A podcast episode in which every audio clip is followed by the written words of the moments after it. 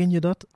Dat moment dat je ergens naar uitkijkt en tegelijkertijd zoveel druk of spanning ervaart. Sommigen noemen het ook wel gezonde spanning.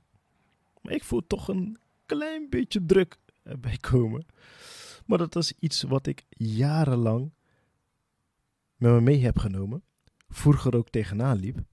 En vandaag ook wederom ervaar tijdens deze interview met een van de meest gerenommeerde sportpsychologen van Nederland.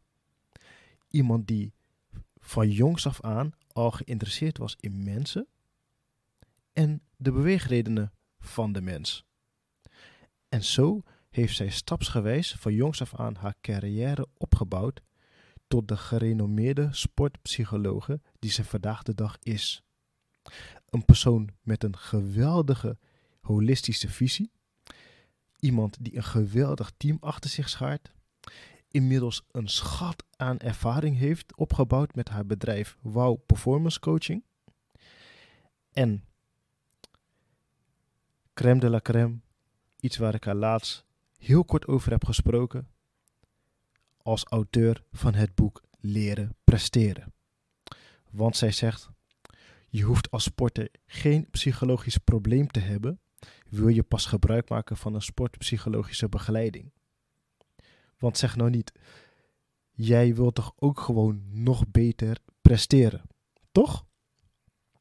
Luister dan nu naar de talk met Afke van de Wouw.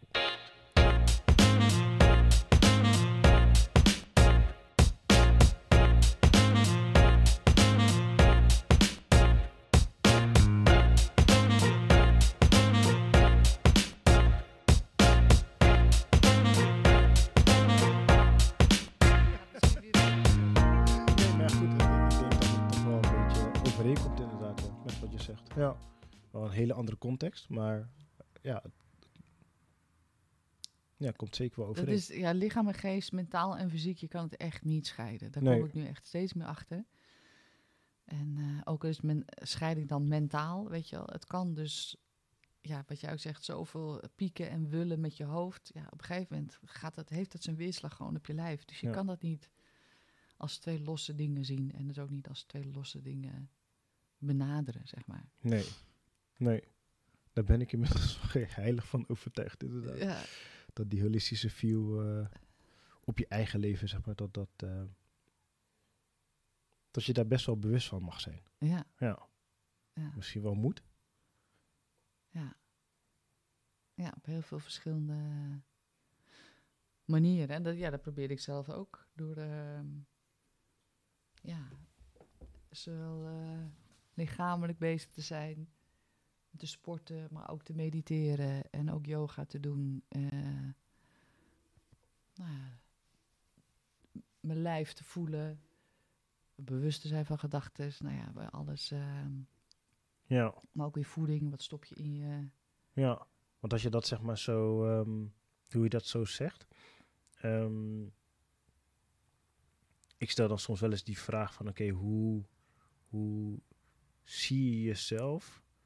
ehm, op een ehm, ja, leeftijd van een jaar of 70, 80...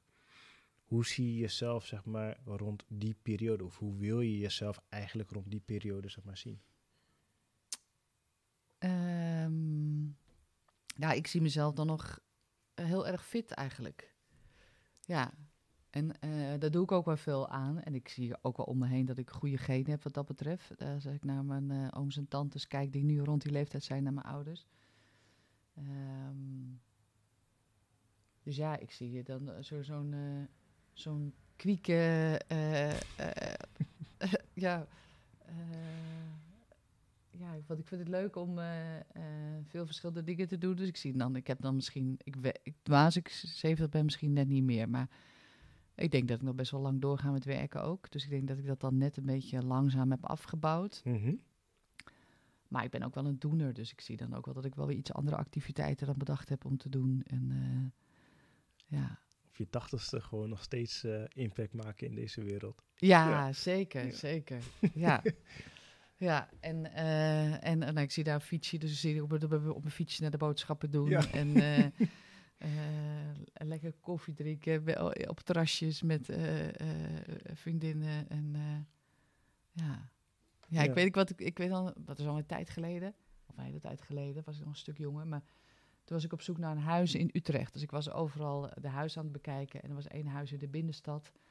En eh, ik dacht, nou, was op zondag ga ik even kijken aan de buitenkant. En nou, dus ik stond het huis zo voor het huis zo te bekijken. En dan kwam een, de buurvrouw, die kwam naar buiten. En, oh, ben je geïnteresseerd in het huis? Ik zei, nou ja, ik had het gezien op Funda. En, eh, nou, ik zou het niet doen als ik jou was, want dit is er mis mee en dat is er mis mee. En daar lijkt het, oh, oh, oh.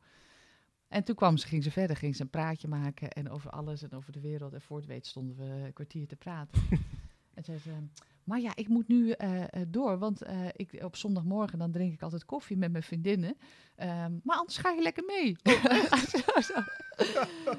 ik zei, nou ja, ik had toch niks te doen. Nou, dat is goed. Waar drink je altijd koffie? Ja, dat doen we bij de Dom. En de Dom hebben ze, in de, in de kloostertuin hebben ze een, een thee, an- anti, anti, een, een, een theehuisachtig iets. Ja. En ehm, daar doen we dat. Nou, oké, dus ik daar naartoe. En toen kwamen we daar. Wij waren natuurlijk iets te laat, want we hadden wat lang zaten kletsen. Dus die andere dames zaten er al. Die zaten met z'n tweetjes.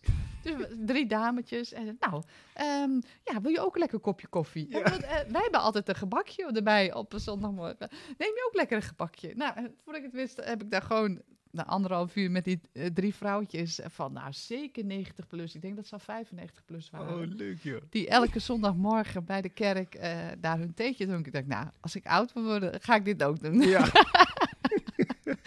dus als je vraagt, hoe zie je jezelf op je 95ste? Nou, dan heb ik ook zo'n eh, Ja. deal met mijn eh vriendinnen die dan nog leven. Hij staat vast, hè? Dus dat, je komt er niet meer onderuit. Ben je al aan het opnemen dan? Ja, ja, ja. Oh, we, zijn al oké. lekker, we zijn al lekker bezig. Eh, al- eigenlijk al een uur. Als, ja. ja, al meer dan een uur. Ah, ik wist niet dat je al aan het opnemen was. Maar Ja. Als je zeg maar, je weet van jezelf dat, dat oké, je wilt dat rond je 95ste, wil je dat, in die belevingswereld wil je zitten, zeg maar. Wat, wat zou je ervoor moeten doen om ehm, zo vitaal te kunnen zijn, zeg maar, ook rond die 95ste? En, en ehm, ja, welke stappen zou je ervoor willen nemen om ook dat uiteindelijk te mogen gaan beleven? Ehm, nee, dat zijn verschillende dingen. Eh, de dingen die ik nu doe, hebben daar ook al mee te maken. Wat ik zei, dat ik dus al eh, yoga, mediteren, ehm, veel bewegen. ehm, ik loop dan hard een paar keer in de week. Eh, ik bewandel nu dan ook wat meer, ook met, met corona. Met voeding probeer ik er ook op te letten. Natuurlijk niet dat ik alleen maar super gezond en zo'n health freak ben of zo. Maar ik zit wel te kijken van hey, wat, wat, wat werkt voor mij, wat, wat voedt mijn lichaam eh, en, en wat niet. Ehm, en sociaal vind ik ook, eh, want dat is ook op 95, dat je dus wel vrienden eh, om je heen en familie. En dat heb ik nu ook al. We hebben nu zelf, eh, op zaterdagmorgen hebben we de familiekoffie. Ja, nu door corona kan het helaas niet. Nee. nee. Maar dat, eh, dat hebben we altijd al in Utrecht. eh, hebben we dan een koffietent waar dan ooms, tantes, neefjes, nichtjes, wie dan kan, die komt langs. Ah, leuk. Drinkt Ja. een kop koffie en ieder gaat daarna weer zijn weegs. De een gaat daarna naar de markt, de ander gaat naar de bibliotheek en de derde gaat naar huis. En, maar dat is echt het start van mijn weekend, zeg maar. Als het dan zaterdagmorgen is, dan ga ik daar naartoe en dan spreek ik iedereen weer, bespreken we de week.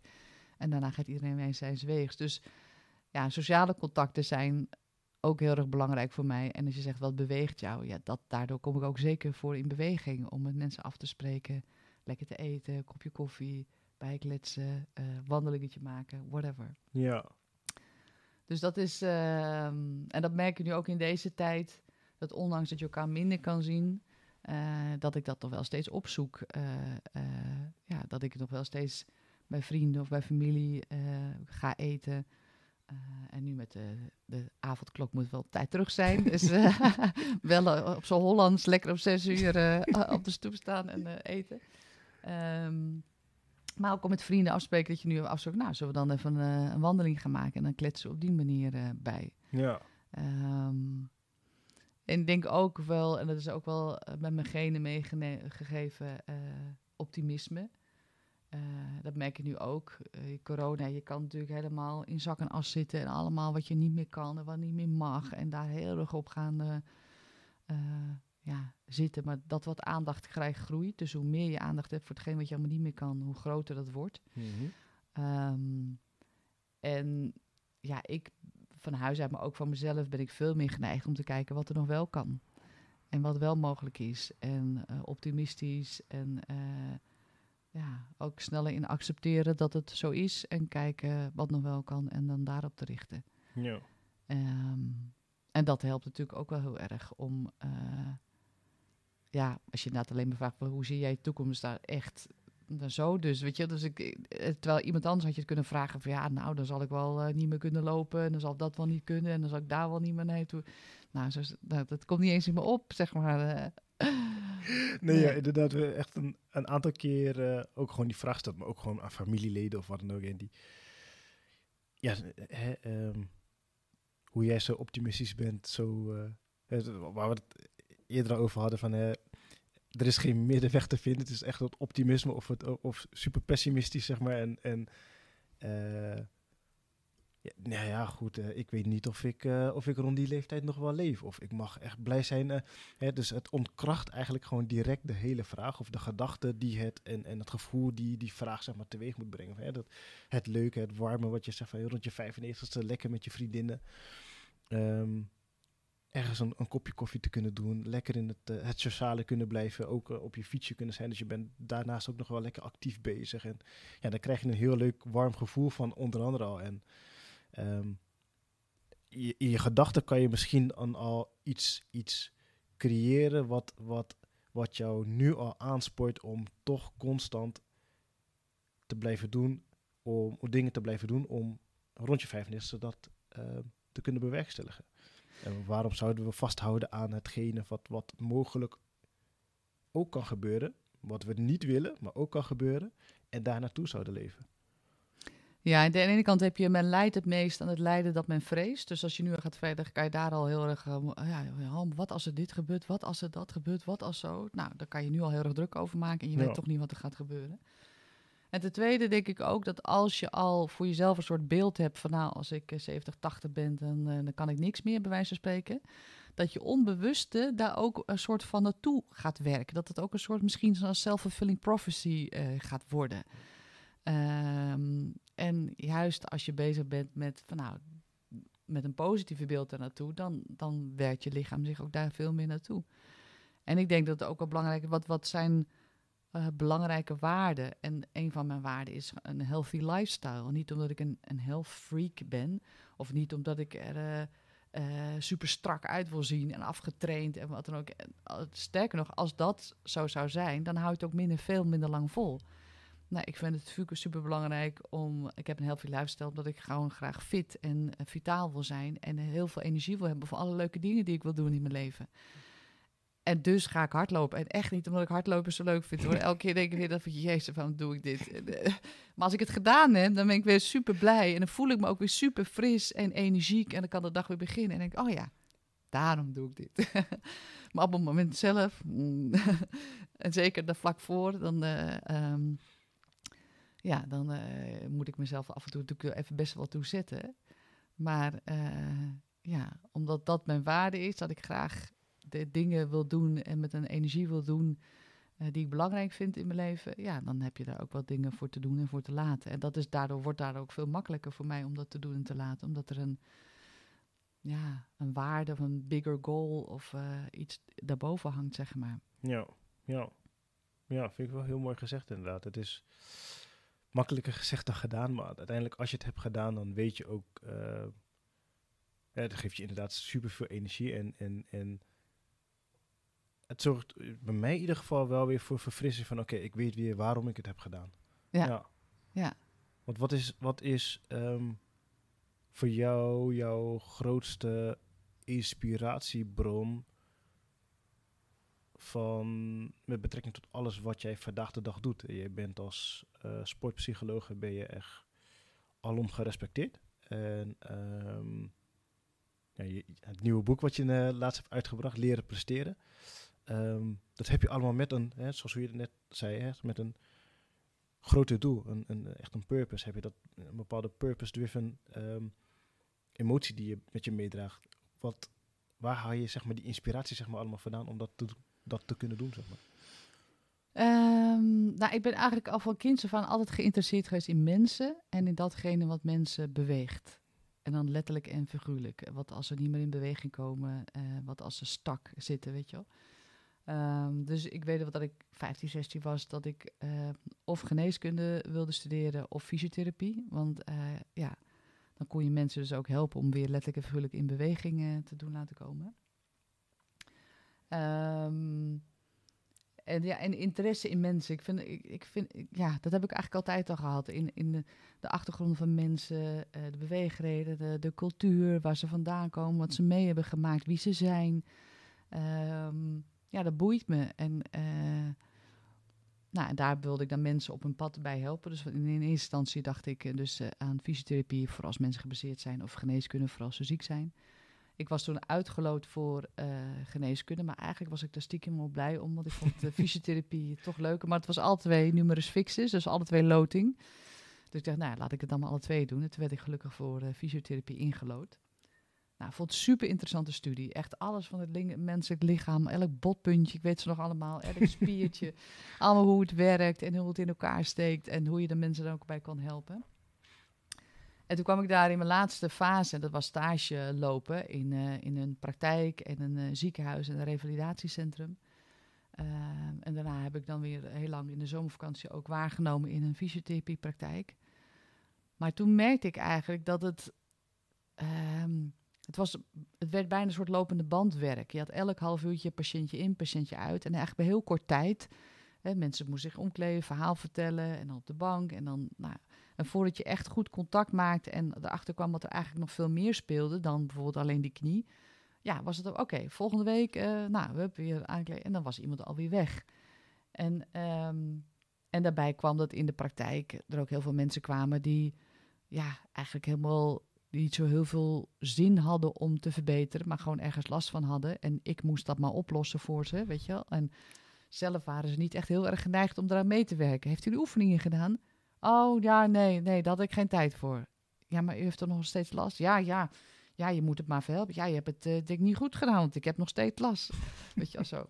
Dus toen merkte ik al gauw dat ik veel meer uh, uh, aangetrokken voelde door de sport. Mm -hmm. Omdat de sport, die waren super gemotiveerd. Die wilden zo snel mogelijk weer het veld of de baan op. En uh, die deden ontzettend graag je oefeningen. Sterker nog, ze deden ze misschien te veel. dus ze moesten je eerder tegenhouden. En ook dat ik gewoon echt tijd had om contact te maken met die sporters. Want ik was een heel seizoen was ik dan aan ze verbonden. Ik zat eerst bij voetbalteams en later bij, uh, bij hockeyteams. En je bent een heel seizoen ben je onderdeel van de staf. Dus je leert je sporters extra goed kennen. Uh, ze komen natuurlijk regelmatig bij je op de bank. En als ze op de bank liggen, komen er ook allemaal even verhalen los.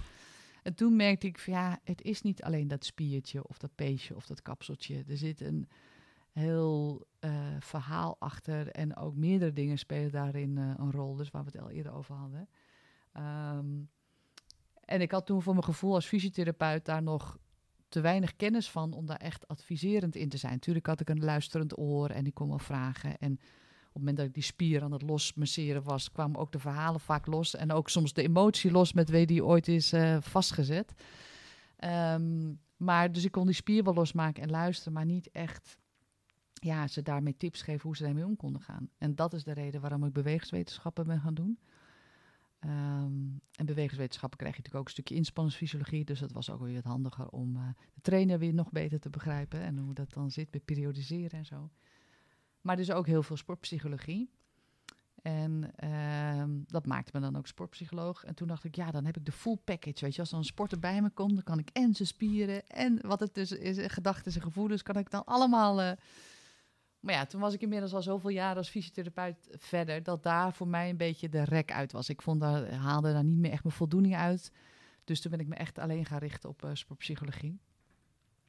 Ja, en daar kan je natuurlijk weer heel veel uh, verbijzonderingen in doen, zoals je dat met fysiotherapie ook kan doen en manuele therapie. En dat, nou, dat heb je natuurlijk in de psychologie ook. Dus heb ik NLP erbij gedaan en systemisch werk en uh, yoga-opleiding en nou ja, allerlei extra cursussen. En dat is eigenlijk alleen maar um, nieuwsgierigheid gedreven. Ja. ja. ja. Alleen maar omdat ik meer daarvan wil weten. Hoe zit dat? Hoe werkt dat? Eh, hoe kan dat? En, eh, en van yoga vond bijvoorbeeld ook het holistische heel mooi. Dat die echt naar het totaalplaatje kijken. Mhm. En hoe dat allemaal connected is. En eh, ook omdat vanuit India natuurlijk ook weer heel oud is. De Ayurveda, waar het eigenlijk vandaan komt. Die hebben ze ook een, een hele leefstijl, is dat eigenlijk. Met yoga een onderdeel mediteren, voeding, kruiden, eh, nou ja, tong, hartslag, eh, alles bekijken ze. Ehm, ja, dus dat, eh, dat vond ik daar, kon ik daar weer heel erg mooi vinden. En dat probeer ik nu eigenlijk zelf ook. Dat is een soort holistische kijk eh, op, de, op, op de sporter of eigenlijk de presterende mens of überhaupt eh, de mens als hij ergens tegenaan loopt. En kijken waar, eh, waar ik op dat pad wat dingen kan aanreiken waarmee hij verder zijn eigen pad kan bewandelen. En dus als hij ergens op zijn pad stak is, Ja, dat hij dan weer in beweging kan komen. want er is dan eigenlijk zoals je het zo zegt, is er dus totaal geen onderdeel van zowel geest als lichaam wat onbesproken blijft bij jou.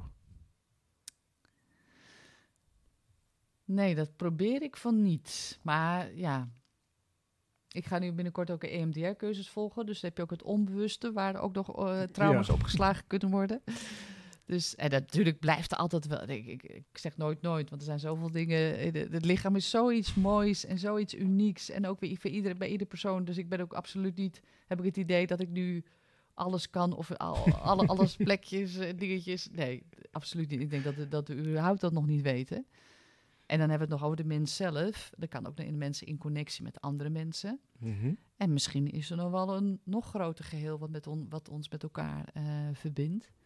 En dat zie je met systemisch werk, met familieopstellingen, dat je ook nog zeven generaties met je meedraagt. En niet alleen in het DNA, maar ook Mhm. nog ja, systemisch, energetisch, zielsniveau. Nou ja, het is maar hoe je het wil noemen. Mhm. Ehm, ja, dus misschien gaat dat ook nog wel verder. Waarom kom je bepaalde mensen tegen op je pad? Waarom gebeuren de dingen zoals ze gebeuren? Is dat echt alleen maar toeval, lot, eh, wat dan ook? Of zit daar misschien ook wel een grote plan in? Ja. Ehm, nou ja, dat, dat, daar eh, is ook nog eh, heel veel dingen uit te zoeken. Dus nee, ik ben nog lang niet uitgedokterd, om even zo te zeggen.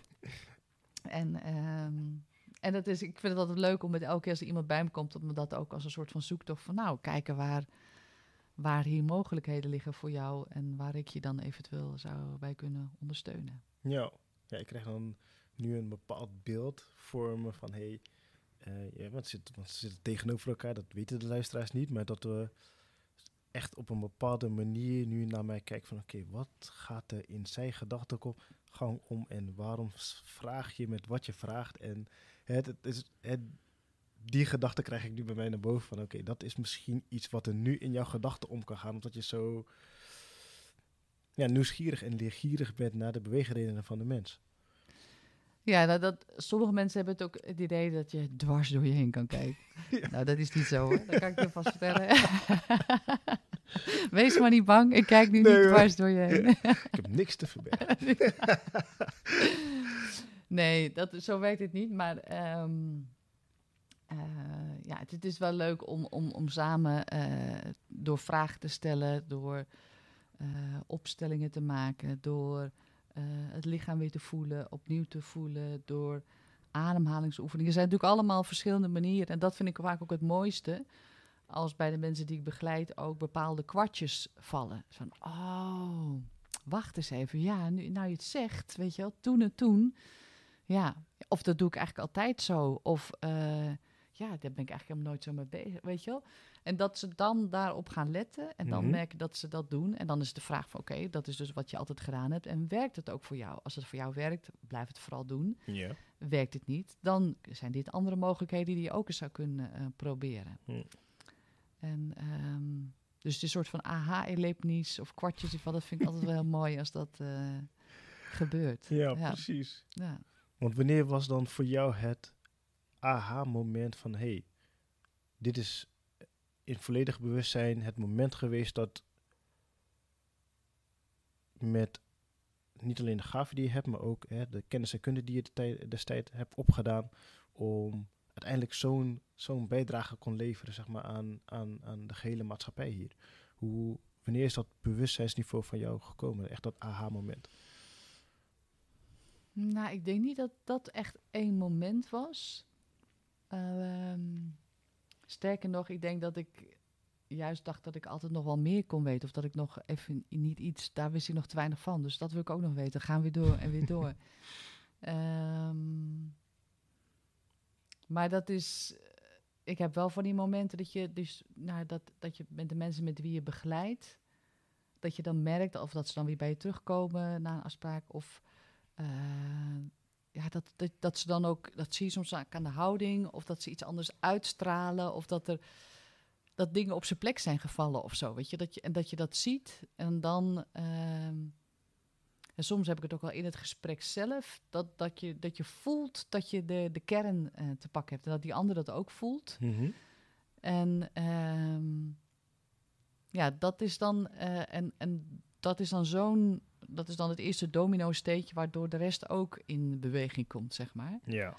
En um, ja, dat is wel heel mooi. En dat kan je soms met, met een uh, individu, maar dat kan bijvoorbeeld ook met een team hebben. Dat je mm -hmm. dus ziet waar de, de, de, de angel zat in dat team. En op het moment dat die angel eruit is of benoemd is, of dat daarmee iets gebeurd is, dat je dan nou, dat team weer beter ziet gaan presteren. En dat die onderling, onderling communicatie weer beter wordt. En ja, dat is, dat is super mooi. En ik weet dat toen bij VVV Venlo, het was mijn eerste seizoen in de profvoetbal. Ja.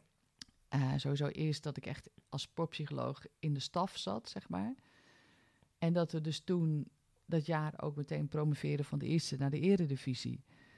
En ja, we waren dat ook echt samen. Het was ook een nieuwe trainer op dat moment. Dus je was echt met de staf waren we aan, aan het zoeken van hoe we dat met elkaar al die puzzelstukjes bij elkaar konden plakken en het team optimaal konden ondersteunen. En dat was ja, voor mij ook heel veel dingen voor de eerste keer. Voor de staf, de technische staf, waren natuurlijk uh, mannen die. Uh, was het ook voor het eerst dat ze met een sportpsycholoog werkten. Misschien ook zelfs wel met een vrouw uh, werkte in het voetbal. Dus waren zoveel nieuwe dingen. Maar iedereen had zo'n hoog open houding daarin. En, en, Hmm. en elkaar daarin versterkend. En ja, en dan kom je met elkaar in een soort flow. En het team kwam in een flow. En, en we hadden natuurlijk ook een aantal goede spelers. En nou, dat valt dan allemaal samen. Uiteindelijk kwam het uit het, uh, ja, constateerde dat, uh, werd het dus ook kampioenschappen. Dat is dan wel een super mooi uh, euforie moment dat het samenvalt. Maar ja, die, die weg daar naartoe, dat was, dat, ja, dat, dat is wel eigenlijk al heel erg, heel erg mooi. Ja. En, en ja, dat dan dat is, dat, dat voel je, dat is wel zo'n aha-erlevenis van, hey, ik maak, ik was een klein puzzelstukje in het grote geheel en de puzzelstukjes zijn allemaal samengevallen. En dat, dat gevoel is wel heel uh, tof. Hmm, kan je ja. dat dan ook echt voor jou, zeg maar, met als het kampioenschap, zeg maar, als de, de, de, ja, die, die uh, spreekwoordelijke kerst op de taart, dat, dat je, dat dat echt jouw doorbraak is geweest op dat moment? Um, nou, ik denk niet eens zozeer het kampioenschap zelf. Uh, als wel de mogelijkheid uh, om bij een, een, profclub te beginnen. Uh, er was in die tijd nog niet zo heel veel sportpsychologie echt, echt als vast onderdeel in de staf. Die waren er eigenlijk nog niet heel veel. Mm -hmm. En ik denk al helemaal geen vrouw. Um, dus dat viel wel op. En dat werd ook wel opgepikt door de pers en de media. En uh, nou ja, omdat de rest van de staf, uh, wat de samenwerking ook zo super fijn was, uh, er werd naar gevraagd. Want nou ja, ik zat ook letterlijk in de dugout, dus ze zagen me ook wel zitten. maar, en, maar ook wel Jan van Dijk, de trainer toen, die, die noemde mijn naam ook wel regelmatig. als zijnde een puzzelstukje wat meespeelde. Um, en er werd daar dan ook weer meer naar gevraagd. Ik denk dat dat misschien nog wel meer de doorbraak was dan echt het kampioenschap zelf. Dat gehele proces zelf. Ja. Uh, uh, de werkzaamheden die je, uh, um, de veranderingen die je teweegbracht, de werkzaamheden op, bij de club zelf en, en um, de veranderingen, zeg maar, die uiteindelijk dus ook een heel extreem positief effect hebben gehad op, op het team en op, op de hele club, zeg maar. Ja, en uh, ik, ik, zeg absoluut niet dat dat komt uh, doordat ik er was. Ik, wat ik al zei, ik was een, slechts een onderdeeltje van het, mm -hmm. van het geheel. Um, Maar ja, dat, en dat dus de aandacht was dat er een, een sportpsycholoog dat dat een bijdrage kan leveren aan, aan, aan prestaties, aan een teambuilding, aan een, eh, aan een voetbalclub. Ik denk dat dat nog wel vrij, eh, vrij nieuw was en dat dat wel uh, meer naar voren is gekomen. Ja. En nu zie je al dat het iets gebruikelijker is dat er een, een sportpsycholoog in ieder geval bij de club betrokken is. Mhm. En ik denk dat bijna elke club in ieder geval wel iemand in zijn netwerk al heeft. Um, echt, het wordt toch wel iets meer, denk ik, toegepast als een soort van pleister op de wonden. Als een speler een probleem heeft, ga dan maar naar zo iemand toe, hè, of bel die dan maar. Of, uh, um, en echt dat het een structureel onderdeel wordt van de staf. En niet alleen probleemgestuurd, maar gewoon kijkend hoe we gedurende het seizoen, waar ook het boek, hè, waar we het over, dat volg ik ook het seizoen. Nou, dat probeerde ik natuurlijk ook als toen ik onderdeel van de staf. Elke fase van het seizoen vraagt we iets anders. En hoe kunnen we daarin uh, verbeteren? En dan Ehm, ja, gaf ik ook vanuit de psychologie uh, mijn uh, dingen erop. Mm Ik weet dat toen bijvoorbeeld rond de winterstop, toen stonden we negen punten los. Dus dat was hartstikke mooi. En toen waren ze aan het bedenken van, goh, zullen we dan alvast wat spelers erbij halen? Want die kunnen dan alvast meetrainen, dan kunnen ze alvast dat niveau wennen. En tegen de tijd dat we dan promoveren, dan zijn ze al vol in shape en kunnen ze mee. Um, ik zei, ja, fysiologisch gezien snap ik dat jullie dat doen. En realiseer je ook dat elk team bepaalde fases doormaakt. Dat noemen ze de Tuckman-fase. Mhm. En dat is de norming, forming, storming, performing fase, adjourning nog aan het eind. En wij zitten nu in de performing fase. We gaan goed, we zijn negen punten los. En realiseer je dat als je de nu jongens gaat bijhalen in de winterstop, dat doet iets met die teamdynamiek. Er gebeurt iets. Er komen mensen bij. Als je een spits bij gaat halen, zal de spits denken: hé, hey, wat doet die gast hier? Weet je, en ook al gaat hij nog niet spelen, ook al is het alleen maar bedoeld om mee te trainen, om hè, op niveau te komen. Mhm. Er gaan toch wat dingen schuiven. Mensen voelen zich misschien bedreigd op hun plek. Of weet je wel. Dus, en dat kan ervoor zorgen uh, dat die, door die veranderde teamdingen, dat we weer terugvallen, niet van de performing, maar dat we in die stormingfase komen. Dat die irritaties komen, dat het door weet je, ellebogenwerk gaat worden, wat dan ook. het hoeft niet, maar het kan. Ja. Uh, dus dat, is, dat is ook, was ook helemaal niet de bedoeling dat zij dus dat niet moesten gaan doen. Maar wel dat ik ze dat meegaf. Dat als je dat doet, als je jongens erbij haalt, dan Mhm. zijn dit de risico's op psychologisch gebied, zeg maar zo.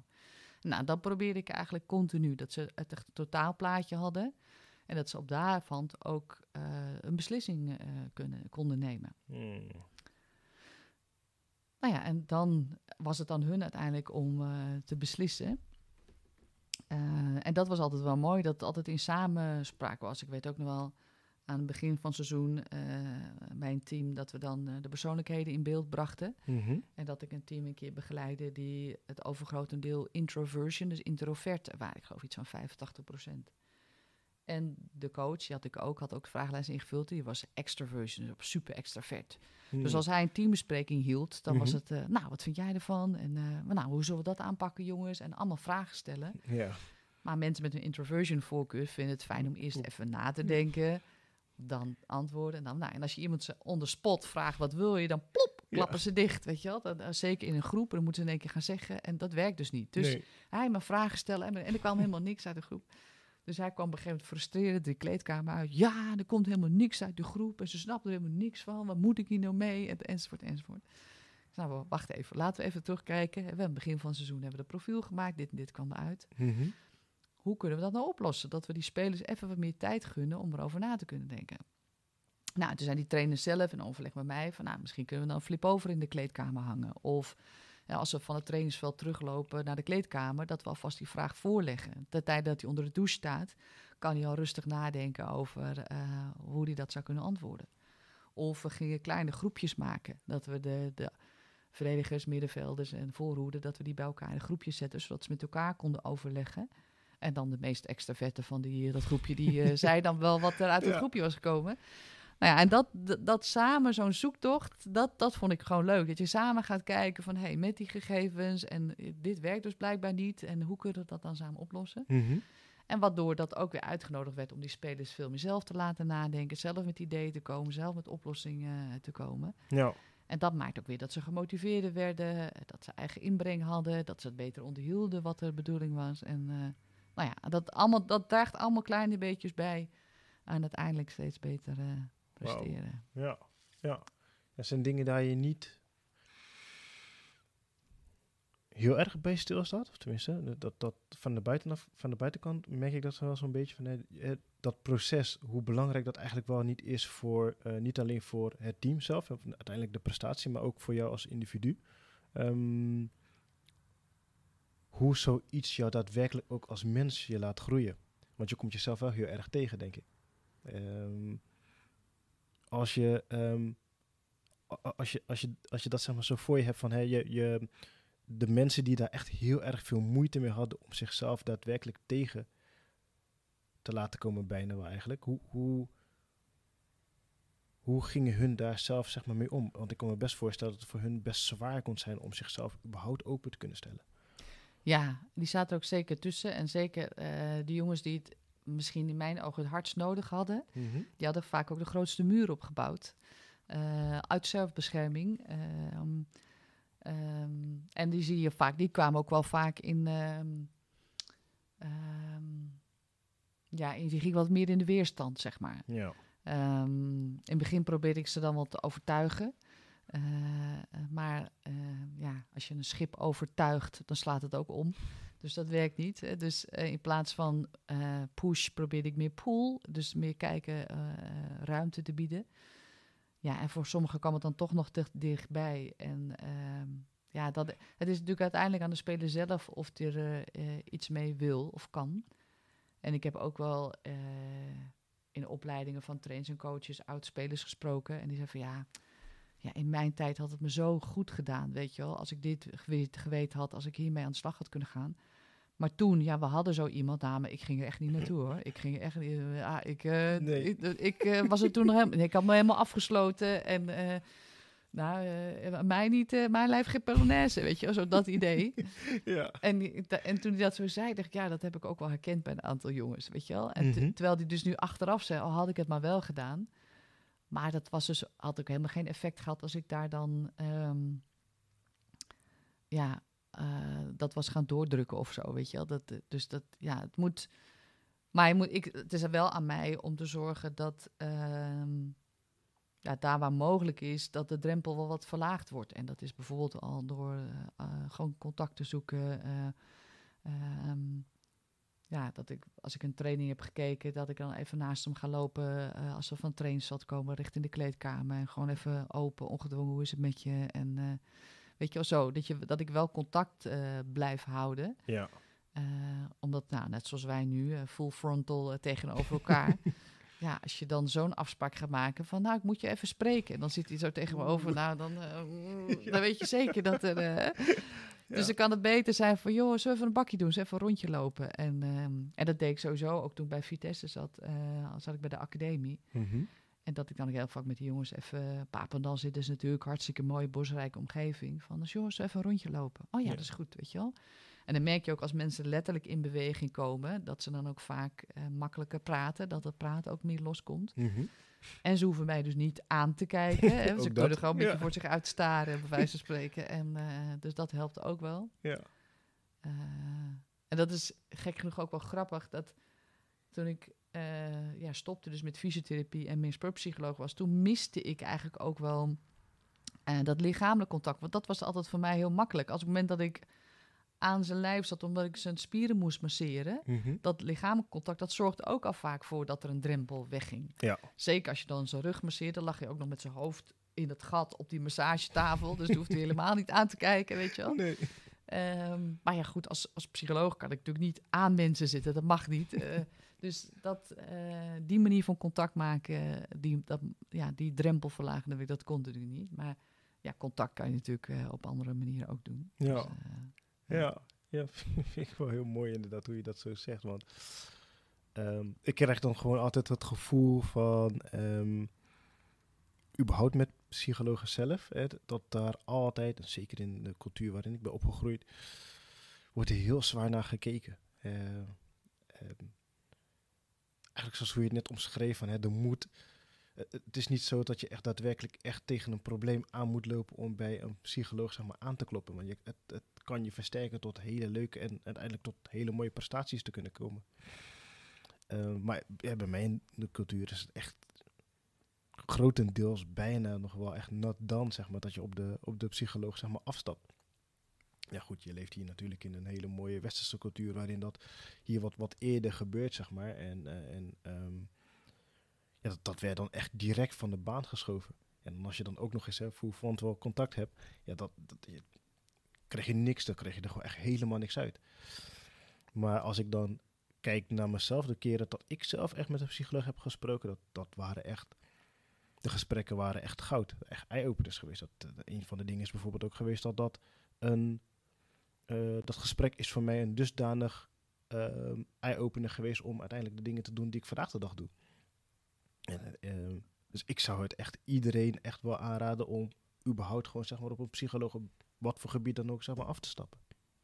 Ja, en soms zit het ook in een neem. Hè. Dus daarom noemen we het ook wel performance coach. En uh, het bedrijf Wow Performance Coaching. En dat klinkt dan meteen uh, ja, een stuk minder uh, psycholoog. Ik ben gek. Weet je al zo. Dat is toch steeds wel een beetje. Ik, heb, ik ben toch niet gek. Ik heb ja. geen psycholoog nodig. Um, als je zegt performance coach, het is iemand die, uh, ja, je wil graag een bepaalde prestatie leveren en iemand helpt je daarbij uh, om de, die kant op te gaan. Mm -hmm. Dus dat, ja, soms zit het ook echt wel in, in de naam. En sommigen zeggen ook mental coach, maar ja, dan heb je dat mental. Mental in het Engels is sowieso al, you're mental, ben je, ja. al, ben je al helemaal niet goed. Dus dat is al niet echt een lekker woord. En mentaal in het Nederlands, dan krijg je weer die scheiding, mentaal en fysiek als losse dingen. En mm -hmm. nou, zoals ik al eerder zei, daar ben ik al helemaal niet van. Dus nou ja, dus de performance coach, um, ja, dat vind ik dan uh, mooi. En ook omdat ik denk ik uh, wat bredere achtergrond heb, omdat ik dus niet alleen maar uh, sportpsycholoog ben, maar dus ook bewegingswetenschapper en voormalig fysiotherapeut. Dus dat zit ook allemaal in performance. Ja. dus ik denk dat ik ook wel een redelijk totaalplaatje kan bieden en dus ja, kan ondersteunen in je performance. Um, ja, we zitten nu ook te kijken in het bedrijfsleven of we daar, uh, ja, want ook werknemers die hebben bepaalde prestaties te leveren. En ja, ook zij hebben met werkdruk, met stress en zo te maken. En uh, hoe zorg je dat je daar lekker in je vel komt uh, te zitten? Ja.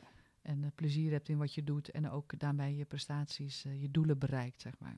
Ja, ja zeker. Er was laatst, sprak ik iemand binnen die zorginstelling waar ik, waar ik werkzaam was. En um, die... Um, gaf dat dus ook aan. Hè, dat, dat, dat, uh, die kwam op me af en zei van, je had mij uh, ergens in gevolgd of zo. Volgens mij op een van de LinkedIn sites of wat dan ook. En uh, zijn we in contact gekomen en hij zegt, weet je, um, ik, ik weet wat ik kan, maar toch ervaar ik zo'n enorme druk om te doen en met wat er van me gevraagd wordt, of met wat ik weet, ondanks dat er gevraagd wordt, ik weet dat ik het kan. En, en toch erv ervaar ik zo een enorme druk om het te, te moeten doen, zeg maar. Überhaupt het spreken of in contact te komen, of überhaupt contact te leggen met mensen, zeg maar. Ja, dat is zo'n zo'n drempel voor mij om überhaupt uh, in, in mijn functie een presentatie bijvoorbeeld alleen al te geven. Of, of, of al moet ik op mijn collega af te stappen. Een, een, een mailtje sturen naar mijn collega is, kan soms al zoveel spanningen en druk zeg maar, met zich meebrengen. Um, dat hij, uh, ja, daar heeft hij jarenlang mee geworsteld. En het is nu al veel minder, maar alsnog, hij blijft het gewoon nog vandaag de dag nog steeds ervaren. Dus um, ik, vraag me dan af van, oké, wat, wat, wat is dan echt de... Wat, wat is er allemaal aan vooraf gegaan waarin je dat jarenlang zeg maar, met jezelf hebt meegenomen en er vandaag de dag eigenlijk nog steeds niet los van kan komen, zeg maar. Ja, en dat je dus dat blijkbaar ook zelf wil oplossen. Mm -hmm. dat, had, dat pad had hij iets sneller kunnen verlopen als hij misschien onderweg is aan iemand, een expert had gevraagd van, oh, kan je hierbij ondersteunen? Mm -hmm. En tuurlijk leer je heel veel ervan en opstaan en dat hoort ook bij het leven, dus het is ook prima. Mm -hmm. um, maar soms kan je, uh, en dat heb ik natuurlijk in het voetbal ook wel gemerkt, ja, we, we doen het altijd al zo, dus uh, waar moeten we nou in één keer anders doen? Uh, dat, ik zeg ja, vroeger had je ook een stoomtrein, die bracht je ook van A naar B. Maar we hebben nu vervoersmiddelen die sneller gaan, weet je wel. Dus, um, en daar, doe ik een beetje gekscherend over voetbal. Dat wil ik niet zeggen, want daar zijn ook heel veel innovaties hoor. Dus er zijn nu ook al heel anders daarin. Ja. Uh, en je ziet ook in de opleiding van de coaches dat ze er ook veel meer aandacht aan besteden. Um, um, dus en dat ze het ook het als belangrijk vinden als onderdeel van het trainersvak. En dat vind ik ook wel heel mooi. Eh, dat ja, sportpsychologie is dus niet alleen voor als je een probleem hebt en je gaat in een kamertje één op één, ga je met zo iemand over praten, hè, om even gechargeerd te doen. Ja. Nee, dat, we nu, dat is ook iets wat ik heel graag wil, dat het echt een onderdeel van de training wordt. Als jij wedstrijden gaat spelen, dan komt daar druk bij kijken. En dus is het belangrijk om je spelers om te leren gaan met die druk. Ja. Als jij wedstrijden gaat spelen, dan gaan er eh, tegenslagen op je pad komen of tegenslagen in de wedstrijd. Je gaat met emoties, met gedachten te maken hebben. Je, gaat, je moet communiceren onderling met elkaar. Je moet je kunnen blijven concentreren op datgene wat je te doen hebt. Niet laten afleiden door een eh, zuigende tegenstander of publiek of wat dan ook. En dat kom je allemaal tegen de wedstrijd. En waarom, als dat dan zo'n belangrijk onderdeel is van je prestatie, waarom zou je daar dan niet op trainen? Waarom wil je daar niet gewoon nog beter in worden? Want dan ga je ook gewoon beter van voetballen, weet je wel? Dus, en als je dat dus wil gaan trainen, betekent dat, natuurlijk kan dat ook één op één coaching, maar het is natuurlijk veel mooier als dat in de training dus ook terug wordt, als dat erin verwerkt wordt, als het een onderdeel daarin wordt. En als je dat op die manier doet, want je kan trainen onder druk, weet je, je kan presteren onder druk, kan je trainen. Eh, want dan is het goed om druk aan te brengen in de training. Mhm. En dan krijg je natuurlijk als eerste te horen... ja, maar die druk die kan toch nooit zo'n heel stadion nabootsen als eh, de Kuip? Nee, dat klopt, dat kan niet. En dat hoeft ook niet, blijkt. Als jij leert en als jij traint met geringe druk... Dan, als je dan weet hoe je daarmee om moet gaan... Mhm. dan blijkt dat al met grotere druk te kunnen helpen. Maar dan moet je het wel wedstrijdspecifiek mogelijk maken. Penalties zeggen ze ook, ja, penalty valt niet te trainen. Jawel, penalty valt ook te trainen. Ja, maar hoe kan het nou op de training gaan ze 99 van de 100 gaan ze erin? Ja, maar tijdens een wedstrijd krijg je geen 99 kansen. Dat is het hele idee. Daarom staat er zoveel druk op. Dus wat doe je dan tijdens de training? Zorg er dan voor dat je bijvoorbeeld na elke training iedereen één keer de kans geeft om die penalty te nemen. En dat iedereen eromheen staat. Of dat je zelfs twee teams gaat maken, team A en team B. En dat Ja. ze om's de beurt één keer een penalty mogen nemen. En op het moment dat iemand van team A een penalty gaat nemen, laat dan team, team B proberen om hem uit zijn concentratie te halen. Ja. Nou, het zijn best wel leuke manieren eh, om dat te bedenken. Weet je wel? Ja. Of zet er een beloning op, of zet er een straf op. Als jij mist, moet de rest van jouw team moet, eh, drie rondjes rond het veld. Nou, dan komt er. Weet je wel? Dat soort. En dan denk je van ja, dat, eh, dat soort kleine dingen, die kunnen dus de druk al verhogen. Mhm. En dan tools meegeven. Hoe kan je dan zorgen dat je toch geconcentreerd blijft op het nemen van die penalty? Dat je niet laat afleiden door dat, die mensen van team B. Ja. Of dat je niet laat afleiden door dat shit, ik moet hem wel eh, schieten. Want anders moeten mijn team, eh, moeten mijn maten moeten, eh, rondjes rennen, weet je wel. Nou, en als je daar dan principes erachter legt hoe het werkt en wat Mhm. je dan op dat moment het beste kan doen en dan gaat trainen op het veld met een dergelijke oefening of omgaan met tegenslag, weet je, als je partijtje doet als, eh, als trainer, expres een keer verkeerd fluiten, nog Mhm. een keer verkeerd fluiten, zeggen dat we nog 10 minuten spelen en dan 15 minuten gaan spelen, weet je, allemaal dat soort dingen. En als er dan wordt wat gebeurt, ze gaan uit een pan en ze gaan, ja, die was wel. Nou, dan ga je dat dus achteraf bespreken. Wat Ja. gebeurde er nou? Ja. Hoe lang was je daar nog mee bezig? Toch zeker vijf minuten voordat je weer een beetje in het spel kwam. Mhm. Wat als dit tijdens de wedstrijd gebeurt? Hoe kan je daar dan mee omgaan? Hoe kan je ervoor zorgen dat je omschakelt, niet alleen van aanval naar verdedigen, maar ook in je kop omschakelt? Want als jij een rauw momentje hebt van vijf minuten op het veld omdat je kans gemist hebt of omdat naar jouw idee de scheidsrechter de verkeerde beslissingen heeft genomen, als je dan daar zo van slag van bent, ja, dan is het spel is al al lang weer verder. Dus de kans dat die bal die daarna nog komt, dat je die goed aanneemt of dat je alert bent, of, is toch wel iets kleiner. Nou, dat soort principes. En dat, dat vraagt dus ook weer iets van de trainers. Dat die trainers daar ook weer meer achtergrond in hebben. Dat ze weten hoe ze dat kunnen toepassen in de training. Nou, en dat zie je nu, dat heel veel bondsopleidingen en andere opleidingen voor coaches, dat dat steeds meer, eh, steeds meer gebeurt. Ja. En ik probeer dat met dat boek, eh, ja, ook, want dat is ook mijn streven, dat het dus ook meer gebeurt. Dus ik probeer alleen maar, maar oefeningen aan te geven. Jongens, dit kan je allemaal doen. Ja, inderdaad. Want met dat boek, zeg maar, het boek Leren Presteren zelf, wat je vorig jaar hebt uitgebracht. Of vorig jaar was het, hè? Ja, inderdaad. Ik zat, zat al te twijfelen. Nee, dat- we zitten alweer in 2021. Ik was zelf alweer, eh, ja. Dat Ja. gaat zo snel, Ja. inderdaad. Ehm, daarin geef je dus echt gewoon heel erg en heel mooi de principes mee hoe je die trainingen toe kan passen ehm, ter bevordering van de prestaties van het individu, maar tegelijkertijd ook het team. Ja. Ehm, als jij ehm, dat boek heb je met, een, met die mooie gedachten heb je die opgebouwd, dan ga ik mijzelf afvragen, los van hè, het, met wat je hebt meegemaakt in de sportwereld. Zijn er momenten geweest voor jou persoonlijk waarin jij ook echt moest leren presteren? En hoe ging je daar zelf voor jezelf echt mee om? Ja, zeker. Nou, ik weet dat ik, eh, dat is ook wel een tijd geleden hoor, maar mijn rijbewijs moest halen. En ehm, nou, theorie vond ik niet zo moeilijk. Had ik nul fout, was meteen de eerste keer eh, was klaar. Maar de praktijk, eh, dat was toch even wat anders. Ik, de eerste keer zakte ik. En toen dacht ik de tweede keer van ja, nou moet ik wel, eh, nou wil ik wel halen. Ik heb geen zin om meer. Ik, sowieso was ik toen nog student, dus ik had het geld er ook niet voor om, eh, om maar te blijven eh, zakken. En toen dacht ik, oké, nou, practice what you preach. Ik studeerde toen nog wel, dus ik studeerde toen sportpsychologie. Ik ga kijken hoe ik ontspannings- en visualisatieoefeningen, en dat noemden ze toen systematische desensitisatie. Mhm. Dus dat je je desensibel, minder gevoelig maakt voor. Eh, dus wat deed ik? Ik ging dan elke avond toen ik in mijn bed lag, ging ik eerst ontspanningsoefening doen. Dus ik ging helemaal ontspannen. En ik deed dan bijvoorbeeld de bodyscan en dan ging ik lichaamsdeel verdichten, liep ik af. En oké, nu ben ik ontspannen. En toen ging ik visualiseren. Dus ik ging in gedachten, ging ik me dat examen doen. Nou, dus ik eh, kwam daar het terrein op en eh, nou, toen kwam ik die examinator, moest ik die examinator een hand geven. Hallo, ik ben afgekomen. En toen voelde ik al de zenuwen opkomen. Oké, even weer terug. Even ontspannen, bodyscan. eh, ja, Oké, ik ben weer rustig. Nou, volgende stap. Ik ga in de auto zitten en ik ga de auto starten. Oh, dan gaat het gebeuren. Oké, even weer terug. Nou, en zo liep ik stap voor stap. eh, liep ik dan eh, dat examen door. Ik deed al mijn eh, in gedachten dus alle handelingen die ik moest eh, verrichten. eh, Speciale verrichtingen deed ik dan ook. En de exacte route wist ik natuurlijk niet. Ehm, maar goed, omdat ik dat dus steeds combineerde met ontspanning, dan weer eventjes visualiseren. En ik sloot het altijd goed af. Hè. Ik sloot altijd af dat ik die man de hand schud en dat hij tegen me zei: Afke, gefeliciteerd, je bent geslaagd. Dat was altijd het mooie einde. en, eh, maar toen ik daadwerkelijk eh, in, dat, in de examen zat, toen voelde ik dat mijn lichaam die ontspanning gekoppeld had aan die beelden ook. Dus natuurlijk was ik wel een beetje zenuwachtig. Dus ook helemaal niet de bedoeling om al je zenuwen weg te poetsen. Maar ik was wel een stuk rustiger dan de vorige keer. Hmm. En eh, ik, ik heb best wel een aantal fouten toegemaakt. Ik ben toen, eh, ik stond voor stoplicht, trok op eens in twee. Eh, achteruit inparkeren ging niet helemaal goed, maar ik had, bleef wel goed om me heen kijken. En dus ik was zeker niet foutloos.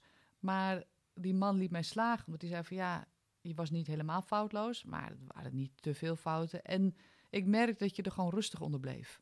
En je zal zo meteen zien als je eh, je rijbewijs hebt en eh, je gaat een keer achteruit inparkeren, gaat het ook niet altijd meteen goed. Maar je bleef wel goed kijken, je bleef rustig. En dat vind ik het belangrijkste. Eh, want je, ja, mensen die straks rijden, die nu een rijbewijs hebben, die zijn ook nooit helemaal foutloos. Dus ik slaagde toen ook. Maar ik vond het wel mooi dat hij dat ook expliciet zei, want je bleef rustig eronder. Ik dacht, ja, dus dat, dat was ook de bedoeling van die visualisatie en ontspanningsoefening. Ja. Ehm, en later heb ik het ook nog. ehm, ik ben twee keer aan mijn hart geopereerd. Ik heb eh hartritmestoornis eh, gehad. Oké, wauw. Ja, en, ehm, en dat was een operatie waarin je bij bent. Dus ze ga je niet onder narcose doen. Mhm. Ze gaan dan via je lies naar binnen met allemaal kabels. Ja. En op een gegeven moment zeggen ze dan, nou, we zitten in je hart. En dan lig je daar helemaal vastgebonden op die operatietafel. Dan denk je, oké. Nou, daarna gingen ze branden. Ze gingen bepaalde of, hersen, eh, ha- hartcellen gingen ze dan eh, branden. En dat voelde je dan ook wel. Ehm, dus dat was behoorlijk spannend. Ze hadden natuurlijk allemaal van tevoren uitgelegd. En de tweede keer wist ik al een beetje wat gebeurde. Ehm, maar ik had zoiets, ja, ik wilde het liefst zo ontspannen mogelijk naartoe werken. Want als ik natuurlijk met een enorme hartslag eh, daar op die tafel lig, dan is het voor hun ook weer lastiger om dat punt eh, te vinden, om te branden. Ja, En sowieso ja, was het voor mezelf ook prettiger om er wat ontspannen naartoe te werken. zeker. Ja. Dus toen heb ik visualisatie gedaan die speciaal eh, geschreven was, een script, om je voor te bereiden op de operatie. Dus dan ga je ook weer vanuit een ontspanning en dan ga je in gedachten naar die operatie, in de operatiezaal. En dan zegt die stem ook van, nou, zie je dat er allemaal mensen om je heen zijn, die zijn allemaal kundig, die hebben alles goed voorbereid voor jou, en nou, enzovoort, enzovoort. Om maar vanuit een ontspannen manier daar naartoe eh, te werken. En soortgelijke oefeningen hebben wij nu ook gemaakt voor Behandelcentrum Brabant, MeiZo heten ze. Ja. Dat zijn verschillende eh, eh, locaties in Brabant. En in eerste instantie was dat voor mensen die een, een nieuwe knie of een nieuwe heup kregen. Mhm. En nu hebben we dat uitgebreid naar andere orthopedische ingrepen in en CVA. Dus het is een herseninfarct of een hersenbloeding. om dergelijke oefeningen, dus op voorbereiding van een operatie, maar ook nadien, en oefeningen voor minder pijn, een oefening om je fysiotherapeutische oefeningen te verbeelden, zodat die beter gaan. Uh, een healing imagery, verbeelding van het herstelproces wat in je lijf plaatsvindt om dat te ondersteunen. Uh, nou, een aantal algemene ontspanningsoefeningen, want het is natuurlijk een hele stressvolle gebeurtenis als je dat allemaal meemaakt in je leven. Dus om gewoon de algehele stressniveau ook wat naar beneden te halen. Mhm. Maar goed, dat heb ik dus ook eerst zelf ervaren. En daarna zijn we dat dus weer gaan uitbreiden voor andere gezondheidsdoeleinden. Maar ik vind het wel fijn omdat ik zelf ook gemerkt heb hoe het mij ge, uh, geholpen, heeft. heeft. Ja. ja. Wauw.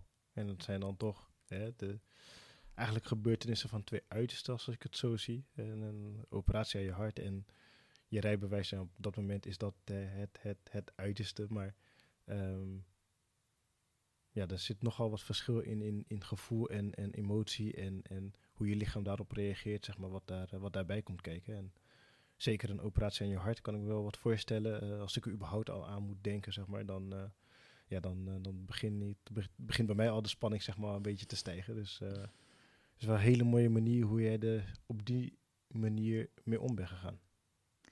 Ja, en ik heb daardoor ook um, mijn lijf ook nog beter leren aanvoelen, zeg maar. Dat, En dat komt ook wel door yoga.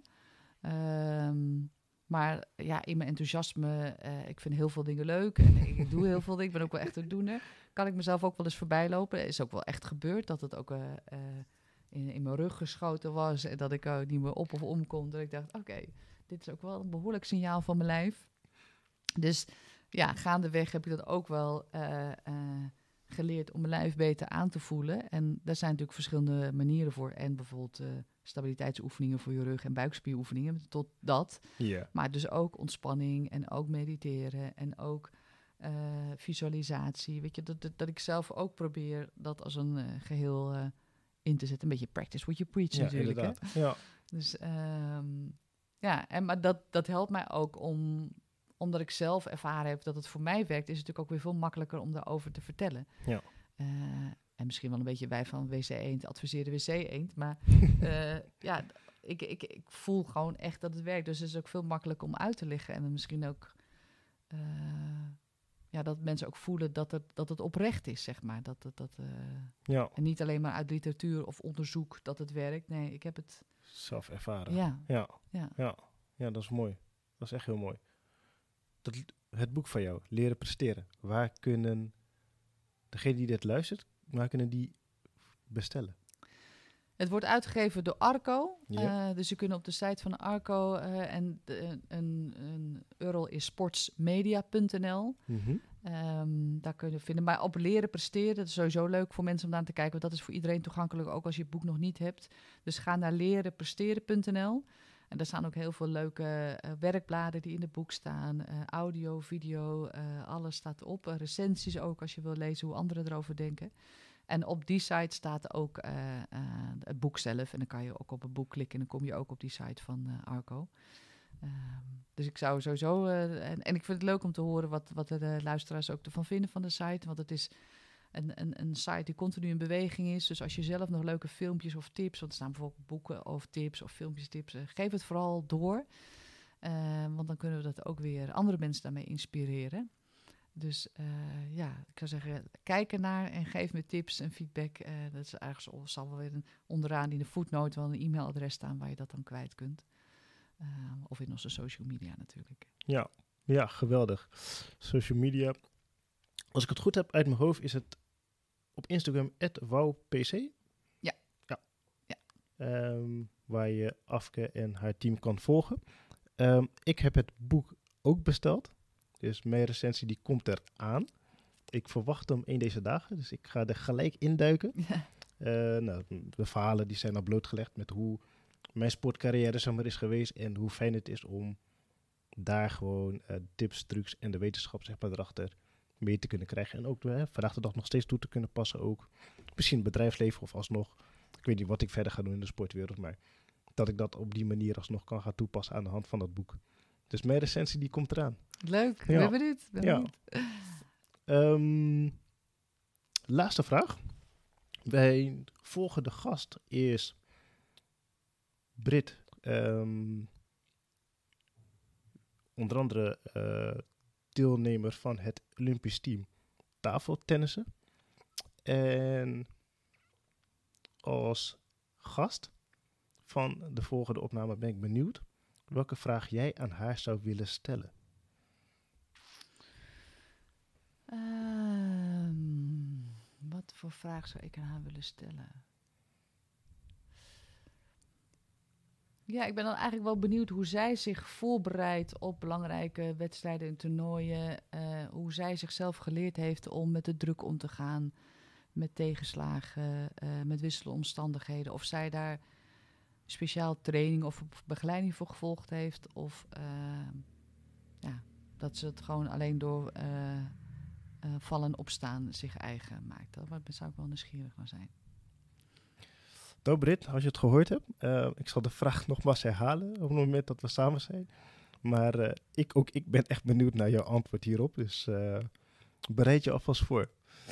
Ehm dankjewel Afke voor het lange gesprek met wat je op dat moment nog niet door had. Ehm, wat ik normaal gesproken doe, ik vanaf het moment dat ik hoor dat ik word gebeld of het appje krijg van hey, ik ben er, start ik de opname zodat we gewoon lekker natuurlijk mogelijk zeg maar, het gesprek in kunnen gaan. Ik ben niet echt van hè, het eh, start opname, hey, welkom en et cetera. Gewoon lekker natuurlijk het gesprek in te gaan. En dat is gelukt, wederom. Ehm, dus dank je wel hiervoor. Als ik, als ik naar de opnametijd kijk, zijn we zo'n eh, twee uur ongeveer in gesprek geweest. Nee, echt? Ja. oh, en wordt het dan ook een podcast van twee uur? Of ga je Nee. knippen? Nee, hij, hij wordt geknipt inderdaad. Twee uur. ik heb de tijd opgeschreven vanaf het moment dat ik de eerste echte vraag zeg maar, begon te stellen. Waarvan ik dacht van oké, daar wil ik een beetje eh, meer over te weten. Oh, echt? Dus, eh, dus dat komt helemaal goed. dat zou een hele lange opname zijn. Ja, ja, ja. Die zijn er ook wel toevallig. Dat weet ik wel, dat er uh, velen zijn die een opname hebben van, uh, van twee uur of zelfs langer. Ik, ik had begrepen dat zelfs de allereerste podcast die was gemaakt in Amerika. Van iemand die een ehm, audiovertaling heeft gedaan van het eh, boek van Lord of the Rings, als het goed is. Of Ah. Harry Potter, een van de twee. Ja, dat is, uiteraard is dat, dat natuurlijk een opname van twee uur of langer. Dat boek alleen al ben je al uh, best wel lang mee bezig, laatst aan de films. Dus, uh, Anders maak je er twee delen van. Afke deel 1, afke deel Precies. 2. Genoeg content waar we zeker, uh, zeker wat mee kunnen doen. Dankjewel.